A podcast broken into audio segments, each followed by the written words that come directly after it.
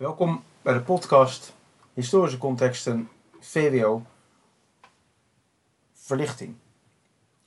Uh, deze keer aflevering 5 over het congres van Wenen en uh, de gebeurtenissen daarna met daarbij de centrale vraag in welke mate bepaalde verlichtingsideeën de politieke cultuur in Europa tussen 1813 en 1900.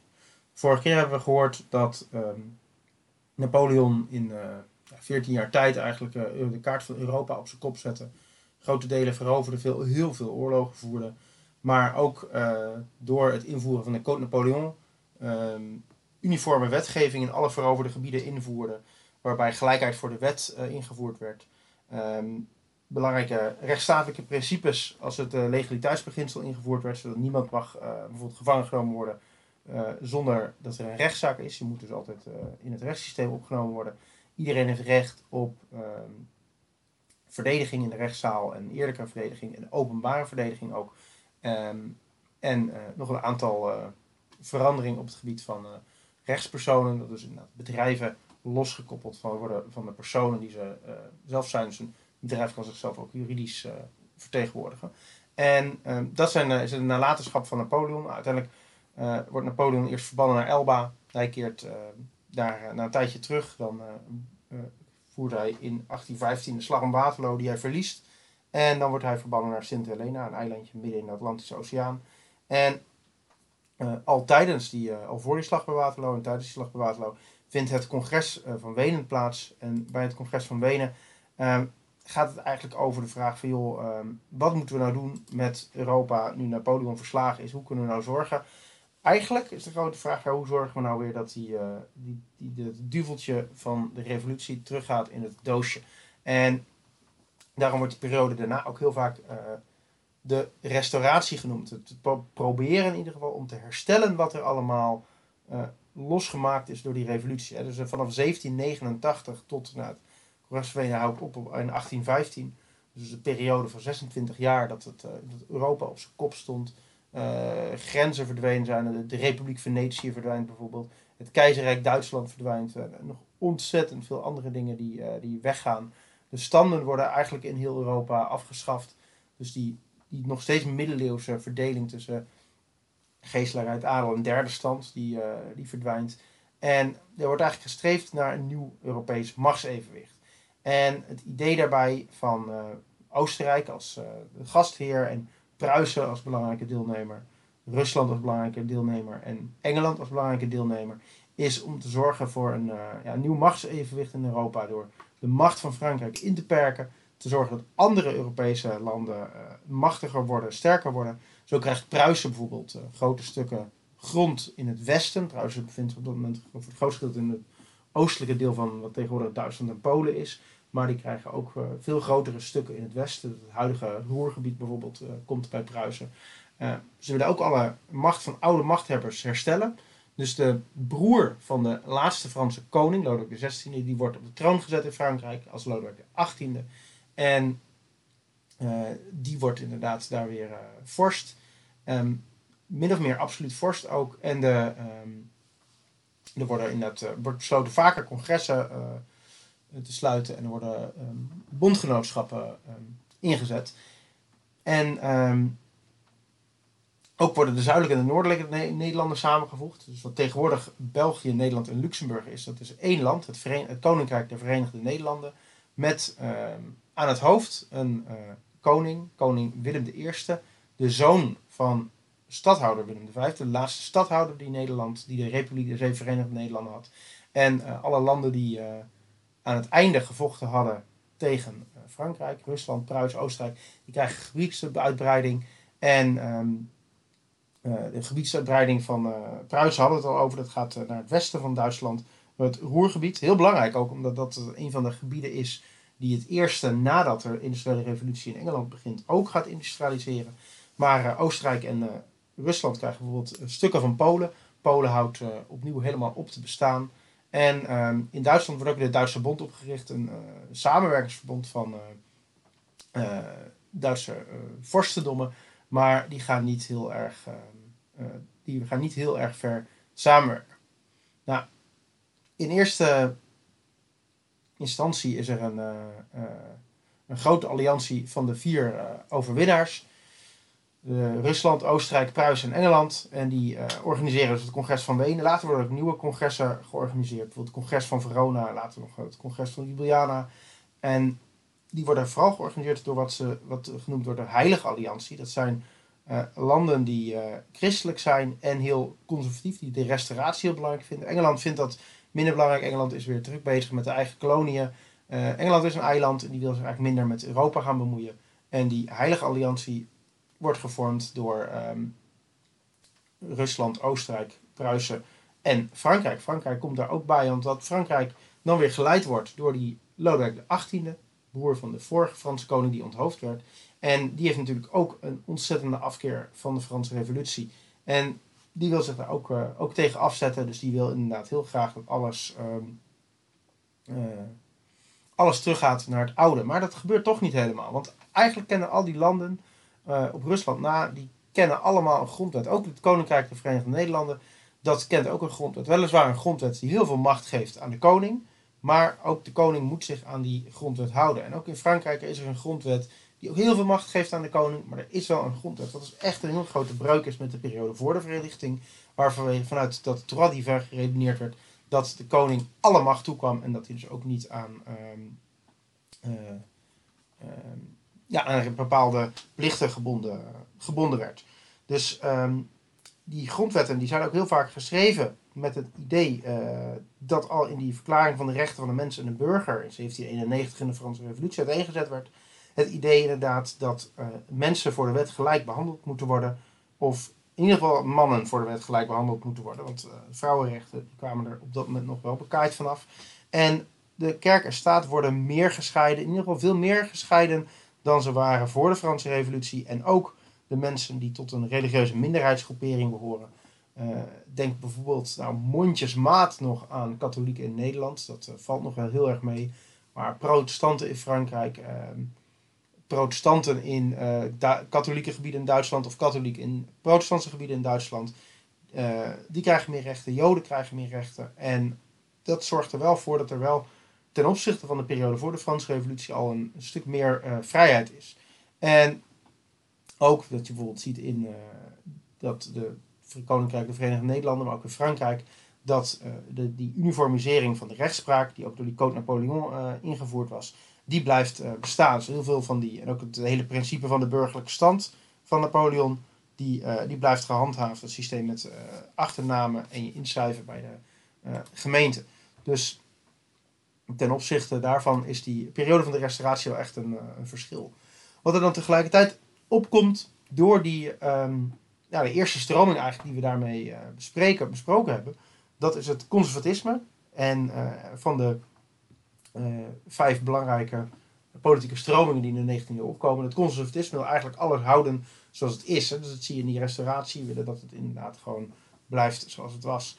En andere, um, ja, andere stromingen zijn nationalisme, um, liberalisme, socialisme en feminisme.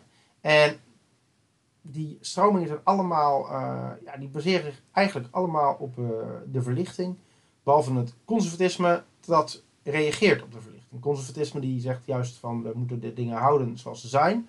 Dus die uh, hemelbestorming van die verlichting, al die veranderingen die de verlichting wil, die willen we niet. En daarmee is het conservatisme een reactie op de verlichting. Andere vier stromingen, liberalisme, socialisme, nationalisme en feminisme, zijn uh, ja, allemaal ideeën die voor een deel ook echt hun basis vinden in de verlichting.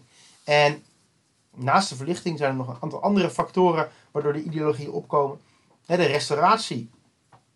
En dus eigenlijk de overwinning van het conservatisme na het congres van Wenen in 1815. Waardoor er uh, in de samenleving in Europa allerlei groepen zijn die tijdens die Franse revolutie hebben geroken aan de mogelijkheden die die verlichtingsidealen uh, bieden. Ja, die komen in verzet tegen uh, de machthebbers die alles bij het oude willen laten, of eigenlijk terugkeren willen naar het oude. Daarnaast de industrialisering, waardoor enerzijds de welvaart heel erg toeneemt. Er ook een veel grotere groep eh, van rijken ontstaat. Een nieuwe groep van rijken ook ontstaat. Fabrikanten, groot industriëlen. Dus niet alleen meer groot grondbezitters, wat daarvoor eigenlijk vooral de rijken waren. Handelaren, uh, beambten. Maar ook een veel grotere en veel zichtbaarder welvaartskloof tussen werkgevers en werknemers. Arbeiders die uitgebuit worden, maar ook die ehm, in, een, in een stad wonen waar ook de rijken wonen. En dus veel duidelijker kunnen zien hoe groot dat contrast is. En ook nog eens een keer heel duidelijk kunnen zien dat het resultaat van hun arbeid ja, de welvaart van de fabriekseigenaar is. En dat zij daar weinig van zien. Ja, en dat, uh, dat leidt tot allerlei uh, botsingen tussen werkgevers en arbeiders. En van daaruit ook uh, enorme groei van steden. En ehm, wat in Nederland wordt genoemd de sociale kwestie. Het, het feit dat heel veel arbeiders in hele slecht onderhouden kleine huizen wonen. Dat er geen gezondheidszorg is. dat er eigenlijk gewoon geen opleidingsmogelijkheden zijn. En daarmee de vraag viel hoe kunnen we zorgen dat, uh, het, dat grote deel van de bevolking dat in armoede leeft, um, ja, toch uh, vooruit kan komen. Ja, het uh, allereerste belangrijke stroming is het conservatisme. Een stroming die zich afzet tegen ehm, de verlichtingsidealen. Het streven om veranderingen zo langzaam en voorzichtig mogelijk door te voeren. En alles wat van waarde is te behouden. In de praktijk eigenlijk heel vaak neerkwam op het tegengaan van veranderingen. Of eigenlijk het soms zelfs terugdraaien van veranderingen. Het idee daarbij is dat uh, in de 19e eeuw dat de koning uh, de macht moet hebben, niet het parlement. Uh, het kiesrecht niet uitgebreid moet worden, dat je echt moet verdienen om te mogen kiezen. En dat zie je dus vaak terugkomen in het censuskiesrecht. Dat je boven een bepaald bedrag aan de belasting dat je betaalt pas mag stemmen. Omdat je dan inderdaad ehm, ja, volwaardig burger genoeg bent om ook mee te kunnen beslissen. En de overheid, en dat is wel toch wel een beetje een idee van de verlichting, die als een vader voor de zwakkeren moet zorgen. Dat zien eigenlijk al, dat zagen we in het uh, eerdere aflevering al terugkomen bij het verlicht absolutisme. En maar een heel uh, ja, paternalistische benadering dat de, de koning, de staat, als een vader voor de zwakkeren zorgt en uh, daarmee dus ook gehoorzaamheid vereist is. Hè. Dus het is niet, niet medezeggenschap, maar gewoon luisteren naar wat degene die weet dat het beste voor je is, moet doen. Nou ja, die, um, zeggen ook van ja, je mag wel wat, um, mag wel voor die arbeiders zorgen, maar je moet ze niet te veel rechten geven. Het stakingsrecht, bijvoorbeeld uit den boze, dat mag je niet uh, geven. En uh, die ideeën worden um, uh, heel erg veel verwoord door onder andere Engelse conservatief Edmund Burke, die zegt van ja, je moet de waarde van het oude in het oog houden bij elke verandering die je doorgaat. En die tradities, de kenmerken van een samenleving, die moet je zoveel mogelijk in stand houden en alleen maar mondjesmaat dat uh, veranderen. Nou, andere stroming die opkomt uh, tijdens de verlichting en die dus in die periode van de restauratie steeds groter wordt, dat is het liberalisme. liberalisme is ook de eerste stroming die het meest uh, georganiseerd eigenlijk tot uiting komt, omdat die zich heel erg voordoet bij die middenklasse. Dat zijn dus mensen die geschoold zijn, die soms ook genoeg belasting te betalen om te mogen meestemmen. Um, en die uh, op uh, wat meer invloedrijke posities zitten dan die andere stromingen nationalisme, met name socialisme en feminisme. Nou, op economisch gebied zeggen liberalen, je moet, de overheid moet zich niet bemoeien met de economie. Er moet vrijhandel zijn, vrijheid zijn van productie en van arbeid. Um, en um, op politiek terrein, jij moet een grondwet hebben waarbij die klassieke grondwetten, grondrechten, dus het recht op vrijheid van meningsuiting, um, eigenlijk al die uh, vrijheid van uh, geloof, vrijheid van drukpers, vrijheid van vereniging, vrijheid van vergadering, al die zaken, die moeten dus inderdaad uh, door de staat gewaarborgd worden. En het zijn eigenlijk allemaal rechten die je beschermen tegen een te grote macht van de staat. En um, ze zeggen ook, ja, de democratie moet representatief zijn. Dus je moet een parlement hebben wat meebeslist. Dus niet een koning die alle macht heeft, maar juist alle burgers die moeten stemmen. En afhankelijk van de stroming binnen het liberalisme is er veel of weinig steun ook voor uitbreiding van het kiesrecht. Uh, uitbreiding van het kiesrecht naar beneden toe, zeg maar. Dus naar mensen die minder verdienen, mannen die minder verdienen. En ook uitbreiding van het kiesrecht in de breedte, dat ook um, vrouwen zouden mogen gaan stemmen. Ja, heel belangrijk is dus dat de overheid zich zo min mogelijk moet bemoeien met het leven van de burgers. Is, dat het liberalisme in die tijd komt ook voort uit een. Um, ja, Franse revolutie, waar uh, zowel uh, ja, eigenlijk van alle kanten eerst de koning, die zich veel te intensief bemoeit met, uh, met, de, met de politiek, met de samenleving, met de economie, met alles wat er gebeurt, omdat hij um, ja, via dat absolutisme gewoon eigenlijk alles probeert te besturen.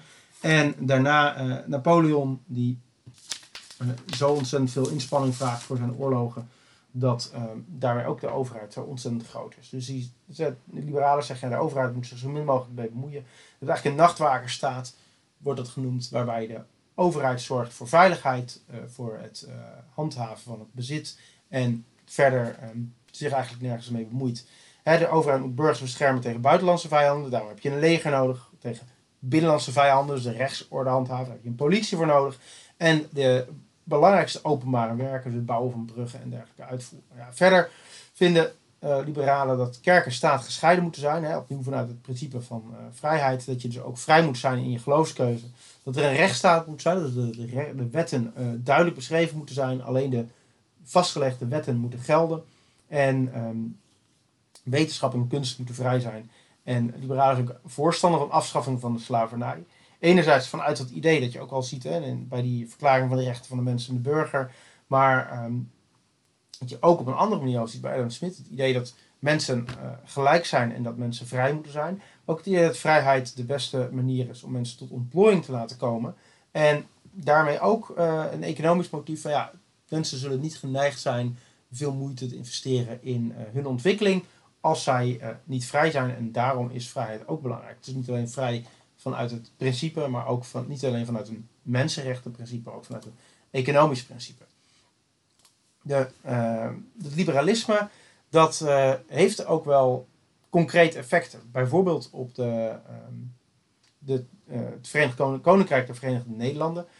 in het zuiden van het Koninkrijk der Verenigde Nederlanden, dus wat wij tegenwoordig België noemen, daar was al sprake van industrialisering. Al, al aan het begin van de Franse Revolutie rond die tijd wordt daar al in uh, het gebied rondom Luik. Um, heb je al de eerste, uh, de eerste stoommachines en dergelijke die daar um, uh, gaan opereren.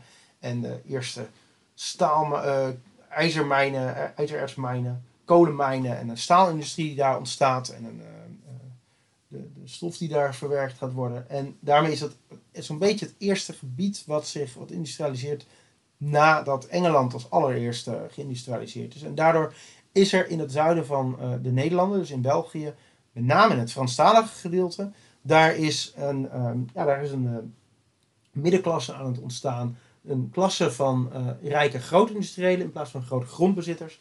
En die zeggen van ja, wij moeten meer vrijheid hebben, wij willen ook meer inspraak hebben. Dat zou zo moeten zijn. Dat is heel erg in die liberale ideeën. En in die grondwet staan van het Koninkrijk der Verenigde Nederlanden zijn heel weinig uh, rechten. De pers was niet echt vrij. Uh, er was, uh, de koning had ontzettend veel mogelijkheid om ministers te benoemen, te ontslaan. hoefde op heel veel vlakken niet naar het parlement te luisteren. En zij wilden dus dat het parlement meer macht zou krijgen. En dat zorgde er uiteindelijk voor dat in 1830, dan is er ook een, een revolutie in Frankrijk. Maar geïnspireerd daarop gaan de met name Franstalige Belgen, die eisen meer vrijheden. En um, zij onder, eisen onder andere meer vrijheden voor hun geloof. Zij zijn katholiek, terwijl de koning van Nederland, Willem I, die is protestant.